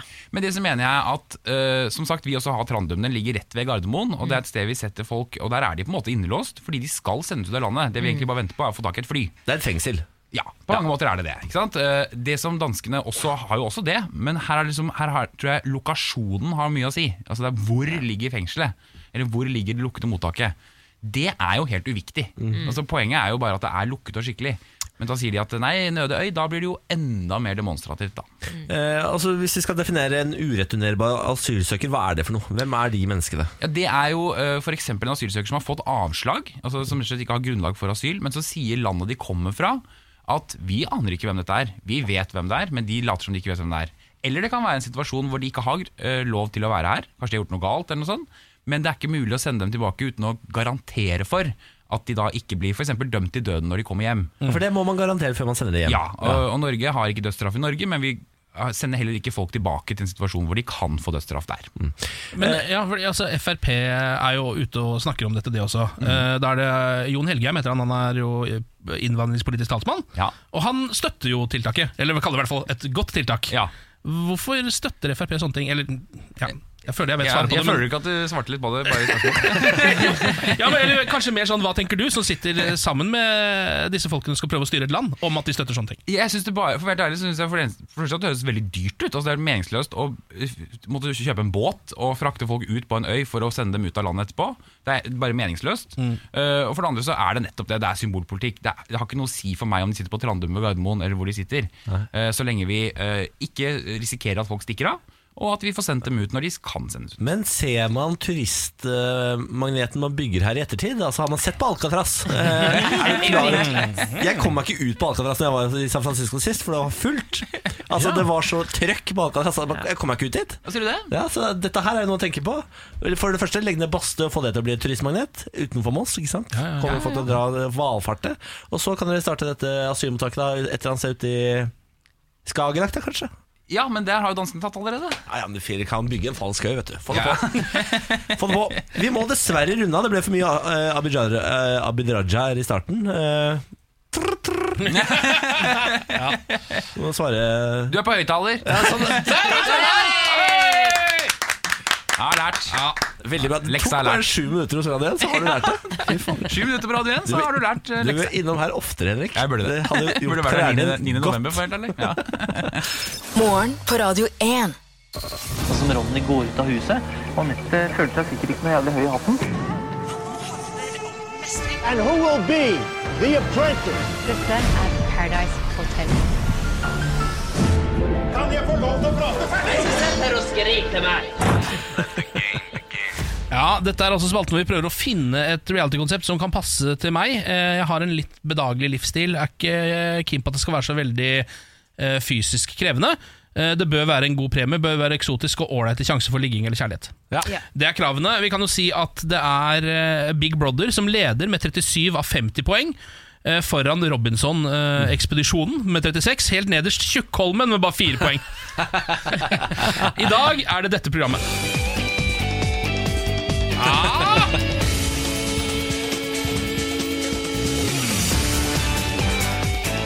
Kjenner du det, Niklas? Det er Paradise Hotel! Det er riktig, det er Paradise Hotel er jo egentlig et amerikansk reality-konsept eh, som har blitt sendt siden 2003 i USA. Eh, Norsk eh, Paradise Hotel har gått siden eh, 2009. Er det amerikansk? Det er egentlig amerikansk, ja. Det er visst det. Wow, jeg har lyst til å se det amerikanske. Ja, Den eh, har gått i noen år der borte også, men jeg lurer på om den ikke går lenger nå.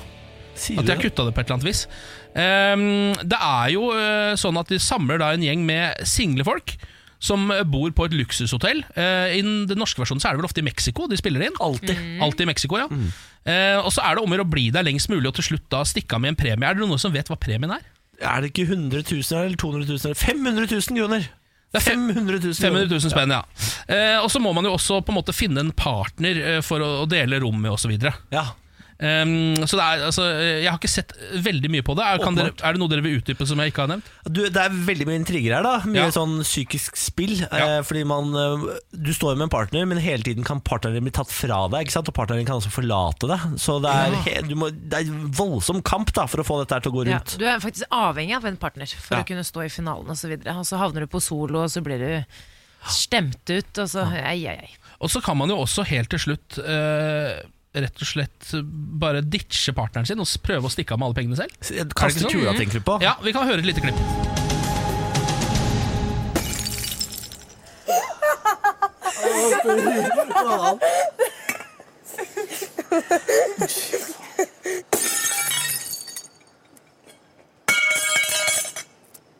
Fy faen! Fy faen!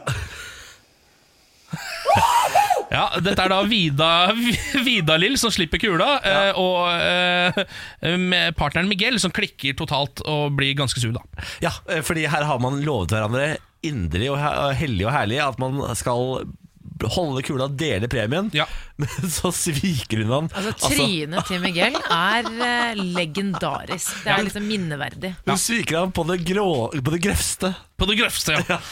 um, vi kan jo ta en runde på dette. da Fysisk behagelig. Det er vel ikke så mye uh, fysisk krevende man må gjennom i Paradise Hotel? er det det? Du soler deg. Du drikker, du fester, du tar en liten tur utafor hotellet nå og da. Det, that's it. Ja, det, er, det er ti, det. Det er ti. Det er total avslapning, nesten. Mm, og, i, ja, ja, og det er veldig sånn varme, varme og fine tilstander. Ja, ikke sant? Eh, og så var vi innom eh, dette med hvor psykisk behagelig slash ubehagelig det er. Eh, man kan bli bedratt helt til siste stund. Ja. Det er mye baksnakking, mye Ja. intriger. Jeg tror det er hardere enn man tror, jeg, faktisk. Ja, ikke sant? Mm. men er, men er, jeg bare tenker, er det mm, såpass bitchy at det er eh, midt på treet, eller er det en femmer, liksom? Altså, det har jo hendt at Triana Iglesias må komme inn og, av, og avbryte opptak fordi det har vært mobbing og sånn der. Altså, ja. det foregår hard mobbing, ja. mobbing. Hard mobbing. Det er jo noe av det mest Og folk griner, og det er alltid oh, ja. Det er ganske hardt. Jeg vil være helt nede på en toer, jeg. Ja, ok. Ja. nei, men jeg er litt uenig, for du ser at sånne, sånne litt mer avslappede typer som typ Petter Pilgaard og Stian Staysman osv., Ja. De takler det mye bedre, for de tar, de på en måte, de tar et steg tilbake. Det er ofte de, de, det går verst utover de som på en måte er eh, mest bitchy. Ja, og men Ken ja. er ikke så bitchy. Jeg er klassisk tilbakestegstype. Ja, men du, ha, du er ikke så god når det foregår u- rundt deg heller. Jeg blir litt sur av det. Ja, du blir det. Ja, men jeg, jeg, det er ikke en treer, da. Okay, ja. Eksotisk. Jeg vil si at uh, å være på et luksushotell i Mexico er en tier. Ja, Det er jeg helt enig i. Og du er enig, Niklas, at det er, det er Ja, det- eksotisk? men jeg mener også- Mer eksotisk enn bar på Karl Johan? Å, å drive en bar på Karl Johan. Jeg vil si jeg oppe på en åtte-ni, mens det her er en ti. Ok, Ja, men det er- det er bra. Eh, premien, da. 500 000 eh, kroner. Ganske bra. Vil, Nice. Det er ganske nice. Eh, Ikke, ikke, men det er ikke en million kroner Big Brother nice. Nei, og så er det heller ikke sånn som The Apprentice at du får jobb hos Donald Trump i Det hvite Nei. hus. Eh, så ja, kanskje sjuer, vil jeg si. Hæ? Hæ? Jeg hadde tatt full pott på det. På Hvor rike er dere? Ok, men det var da, da si, si åtte, da. Ja. Ja. Eh, og så har vi da sjanse for ligging eller kjærlighet. Den Meget høy. er Meget høy. Meget høy. Altså Stian Staysman fikk jo, eh, om ikke annet, en, en handjob. Han fikk en håndjager av Vida som uh, runka to stykker samtidig, tok en Northug. Eh, men det er jo altså mye ligging der inne. Folk ligger første kvelden og sånn. Det er sånn at vi slår til med en tier på det, eller? Absolutt. Dette her kan altså gå ganske bra for Paradise, altså. Ja. Eh, nå er vi oppe i, skal vi se her Er det 41 poeng, eller? 41 poeng! Leder det? Leder ledelsen! Paradise Hotel! Ja, fytti rakkeren, Det er nå ble jeg helt glad. nydelig, Ja. wow! Jeg blir alltid glad når noen tar ledelsen i reality check-kjedet. Det faen. gir meg litt av boost. Men dere ser for dere Ken Eller jeg ser for meg Ken i Paradise Hotel. Skjeggefrans inne på inne på Paradise Ken, Hotel. ass. Altså, Men det du glemmer, er at du ødelegger jo livet ditt eh, i etterkant. da Ja, For du får jo- ikke jobb her, Nei, tror jeg. For du blir jo Paradise Ken.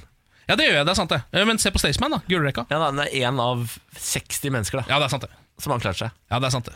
Han Miguel der, han har funnet Jesus nå. Han er talsperson for sånn sekt borti Sverige. Ja. sant det? Er det sant? Ja, ja. Legger Det er sånn- veldig fint, da. Ja, ja. Ja. Google Miguel på YouTube, så finner du en video hvor han snakker svensk. da plutselig Så det er på en måte sånn enten så er det Jesus fan fann meg! Ja, fann Jesus! Vi er brødre! Kom, bli med i min sekt! Det er helt sant. Morgen på Radio 1. God morgen, god tirsdag, god turr på tirsdag, og velkommen på arbeid, Pernille. God morgen og Ah, takk. Pernille. Pernille.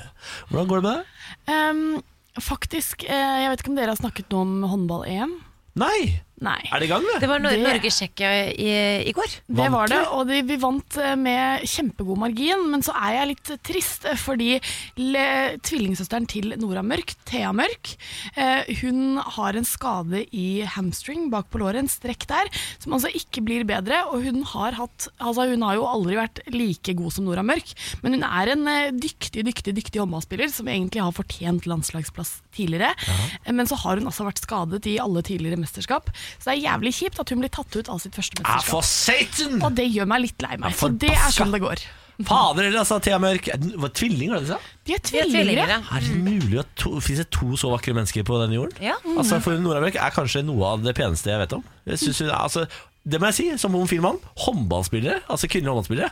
Voff! Ah, det er din kopp med kvinner, Ja, det er min kopp med kvinner. Jeg kan, eh, jeg kan si at jeg var og fulgte håndballjentene da de spilte treningskamper i Rio. Eh, og jeg kan eh, være enig i den teorien. Ja, herregud, så vakre de er. Dro du til. Rio for å se på norsk håndball? Ja. Gjennomsterke. Jeg tror kanskje grunnen til at jeg syns de er så tiltrekkende, er fordi de er så utrolig flinke i idretten sin. Altså, jeg Ja. blir, altså, Ja. Ah.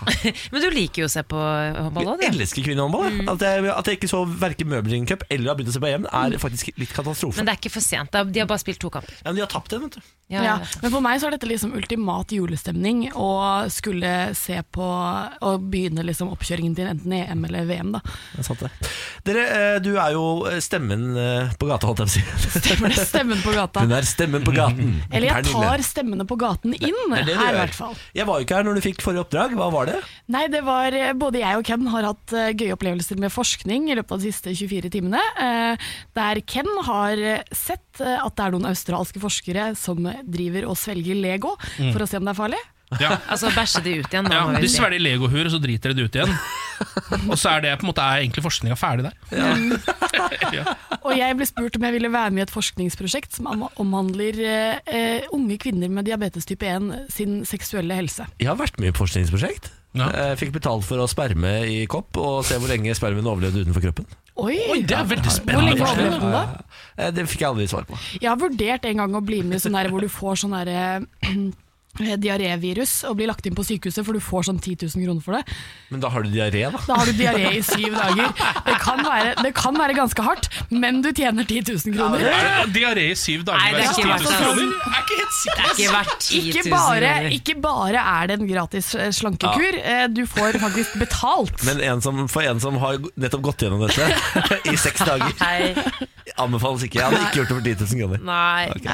Men spørsmålet er hva bør forskes på, da, eller? Yes. Ok. Jeg vet ærlig talt ikke. Språk. Fordi det er ingenting som er like interessant som eh, mellommenneskelig kommunikasjon. Litt mer om eh, kreft og, og litt mer om eh, plastikk. Tenke litt mer på redd jorda, rett og slett. Hvorfor folk har forskjellig graviditet og mensensmerter etter graviditet. Nei, det må jo nesten være gjerne litt sånn hva gener som kan unlocke evig liv og ja, utrydde sykdom og uplager. Det jeg umiddelbart tenker på da, er teknologi for å kunne leve evig. Det kunne vært spennende. Men også veldig skummelt, for da hadde vi blitt veldig overbefolka, og ting hadde gått rett vest kanskje mye fortere enn det gjør nå, naturlig. Det går jo rett vest, men altså sånn. Å, nå ble jeg veldig ikke-optimistisk her, kjente jeg. Eh, hva som eh, skaper mer glede hos mennesker, slik som eh, indre harmoni. Person... Pa, unnskyld. Ken? Ja, det var veldig mange som var opptatt av evig liv, og det Ja. kjente jeg at det har ikke jeg tenkt på, men det burde, er jo det vi burde forske, Ja, forske på. ja. Altså, både evig liv og språk og sånn mellommenneskelige relasjoner er jo egentlig litt interessant, syns jeg. Har du ikke sett den der gjengen borti USA der? eh, Louis Theroux har laga en dokumentar om de, en gjeng borti Hollywood som driver og styrer med evig liv. Ganske spennende, faktisk. Det fins jo faktisk mennesker også som har tenkt til å kryofryses eller hva det heter når de dør, og betaler, Mm. altså, de betaler husleie på det allerede nå, Ja, ja. før de har dødd. Vi har han ja. nordmannen, han ene nordmannen, han der filosofen, han går rundt her og betaler for det. Betaler sånn 3000 i måneden eller sånn, for hvis han dør, så har han en sånn kort på seg. Skal ringe det nummeret, så får du instruksjon om hva du skal gjøre. Skal legge han på is, og så flyr de over fra USA, så tømmer de han for blod, og så fyller de opp kroppen hans med noe greier. Så flyr de han tilbake til USA, så legger de han inn i en fryser, og der skal han være til de klarer å gjenopplive han. Det er veldig Captain America over dette her, men, eh, men det kan jo også være litt eh, kult, sånn eh, hvis du har lyst til å oppleve andre tidsaldere også. Jeg hadde satt pris på det, men jeg orker ikke å liksom bli frysende som 90-åring. Og så bli, bli tint når jeg allerede våkne opp igjen som 90-åring ja, i fremtida. Hver gang jeg tenker på sånn oppstilling, så tenker jeg alltid på Austin Powers. Ja. Husker du det? One million dollars. Han må jo pisse noe så grusomt når de eh, tiner han igjen der. Er. Eh, ok, Oppdrag til i morgen. Hva i alle dager skal man gjøre når man er sjuk? For det er altså så eitende kjedelig å ligge der dager til dager til dager til dag. Men hva har du gjort når du har vært syk? Jeg har sett på The Wire. Ja. The Wire. Fra sesong én? Jeg har endelig begynt å se på The Wire og fått det til. Ja. Eh, For jeg har prøvd så mange ganger, og det ser så gammelt ut, men nå har jeg endelig begynt å linge String a Bell osv. Gratulerer. Ja, så takk for det. Referansene sitter nå, Bolli. Nå sitter de Po-po, 5-0! 5-0! Stemmer det. Stemmer det. Morgen på Radio 1. Hverdager fra sex. Og nå, dere, er det julepriskrig. Ja, det, det er det vel. Rema 1000, Kiwi og Extra har barket sammen i eh, julepriskrig med julematen, da, som eh, på en måte skal selges så billig som overhodet mulig. Eh, det som er litt kjedelig med denne julepriskrigen, er at det er så kjedelige varer som eh, er billig. Altså det, er sånn, det som er billig nå, er kålrot, kanel, risgrøt snarkokt, surkål, tynnribbe og klementiner. Jeg spiser så mye klementiner. Ja, men Da skal du gå på eh, Kiwi, for der koster det nå 10 kroner Nei, 8,90 per kilo. Mens på Rema 1000 for eksempel koster det 20,90. Hæ? Det var veldig stor forskjell! Meget stor forskjell. Du, jeg eh, går alltid forbi Kiwi, så går jeg inn på den andre. Nei, nå, jeg skal gå på Ja. Kiwi nå. Men hvis du er på billig eh, Skal vi se, hva er det som er billig Hvor er ribba billig? billig, Ribba! Da skal du gå en tur på Ekstra. Der er det 49,90.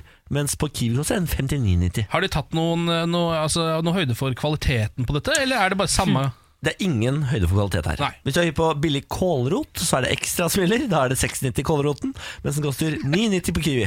Jeg er veldig glad i kålrot, jeg. Ja, kålrot er Og kjempegodt. surkål. Du liker alle de tingene som blir lest opp nå, du, Ja. Samantha. Det. Folk er eitende forbanna på denne krigen, da, fordi det gjør at folk eh, Det legger til rette for hamstring av mat. Og kålroten er nå billigere i butikken enn det koster for en bonde å produsere den. Nei. Ja, Oi så de taper for hver kålrot, Ja, ja. ja, ja. Så er går bra. med underskudd her. eh, Og bøndene, som jo alltid er sinte, de blir jo ikke noe mindre sinte av at eh, butikkene selger kålrota for mindre enn det de får. Men det er jo butikkene som taper pengene, ikke bøndene, vel? Nei, men, men bøndene har jo alltid sagt Vi trenger, altså, Betal oss mer og ta heller dyrere pris i butikken. Og nå betaler de bøndene dårlig og selger med tap i butikkene. Ja, det de pisser jo på bøndene, på en måte. det er det de driver ja. Så eh, da vet dere det, folkens. Klementiner, da er det Kiwi som gjelder. Kålrot, da er det ekstra. Tynnribba, da er det Rema 1000. Ja, eh, det er vel ingen Eller sånn, Det kan jo hende noen gidder, men den som gidder å på en måte dra i en butikk og kjøpe ett produkt, snu, gå ut, parkere annet sted, kjøpe ett produkt og holde på, da tror jeg du bruker mer penger på bensin. Er det noe bensin. galt i det, eller? Gjør du det? Ja, men altså, Er du en sånn type? Vet du hvem som er sånn type? Kjæresten min. ah, ja, Han er sånn det type. kan jeg tenke meg. Han er sånn type. Han er, altså, han er så gæren når det kommer til tilbud. Og han har, han har sånn app hvor han ser alle ukens tilbud. Å, så søtt, og så sammenligner han sikkert, Ja. og så ser han ja. Men du, er, du har et lite snev av det, bare motsatt retning, da. Eh, VIP-tilbud og Ja. sånn. Du er jo på Du har jo så innmari kontroll over Du er helt motsatt. er motsatt. sånn. Du, du, har det, på- ja, du har det på en måte Ja. sånn at du prøver å finne det dyreste tilbudet, Det det og så betaler du, betaler du det. Du leter med, med lys og lykt etter å finne det dyreste tilbudet. Eller fordeler, da. Ja, det jeg ser Ja. etter, er uh, all you can eat and drink. Uh, hvis det er noen steder jeg kan kjøpe meg inn for å så ha fri bar, f.eks., og du kan være bite deg i ræva på at jeg har kjøpt meg inn for å ha fri bar. Vet du, Vi kan bli gode venner, for jeg, jeg elsker egentlig å reise og gjøre ting med folk som er sånn. Er, det ikke, er ikke det Ja, det er bare at Nå er jeg veldig edru om dagen, så snart, Niklas. Snart skal vi på tur. Morgen på Radio 1. Det var det. Det var alt vi hadde. Nå er det over. Ja. Faen, skal jeg dra til Sverige? Ja, Skal jeg det? jeg synes det. Ta med dere Vigdis, eller Vigdis uh, tar med seg Whatever I did, whatever I did, how how when the sun is Khaled, Altså, du... Hva da? Nei! Slutt med det der! Fy faen. Jeg Jævlig irriterende. Greit, du skal få holde på sånn når du, er, du har litt sånn frirom eller til å gjøre sånne ting. Men det er ingen tvil om at Niklas er tilbake. Niklas. Her sitter vi på sidelinjen. Khaled, Khaled, Khaled. Syng, da. Ja, men jeg, jeg, kan ikke, altså, jeg kan ikke språket, jeg vet, jeg vet ikke hva slags språk det der er. Nei, det kan du si. Ha det! Ha det. Ha det.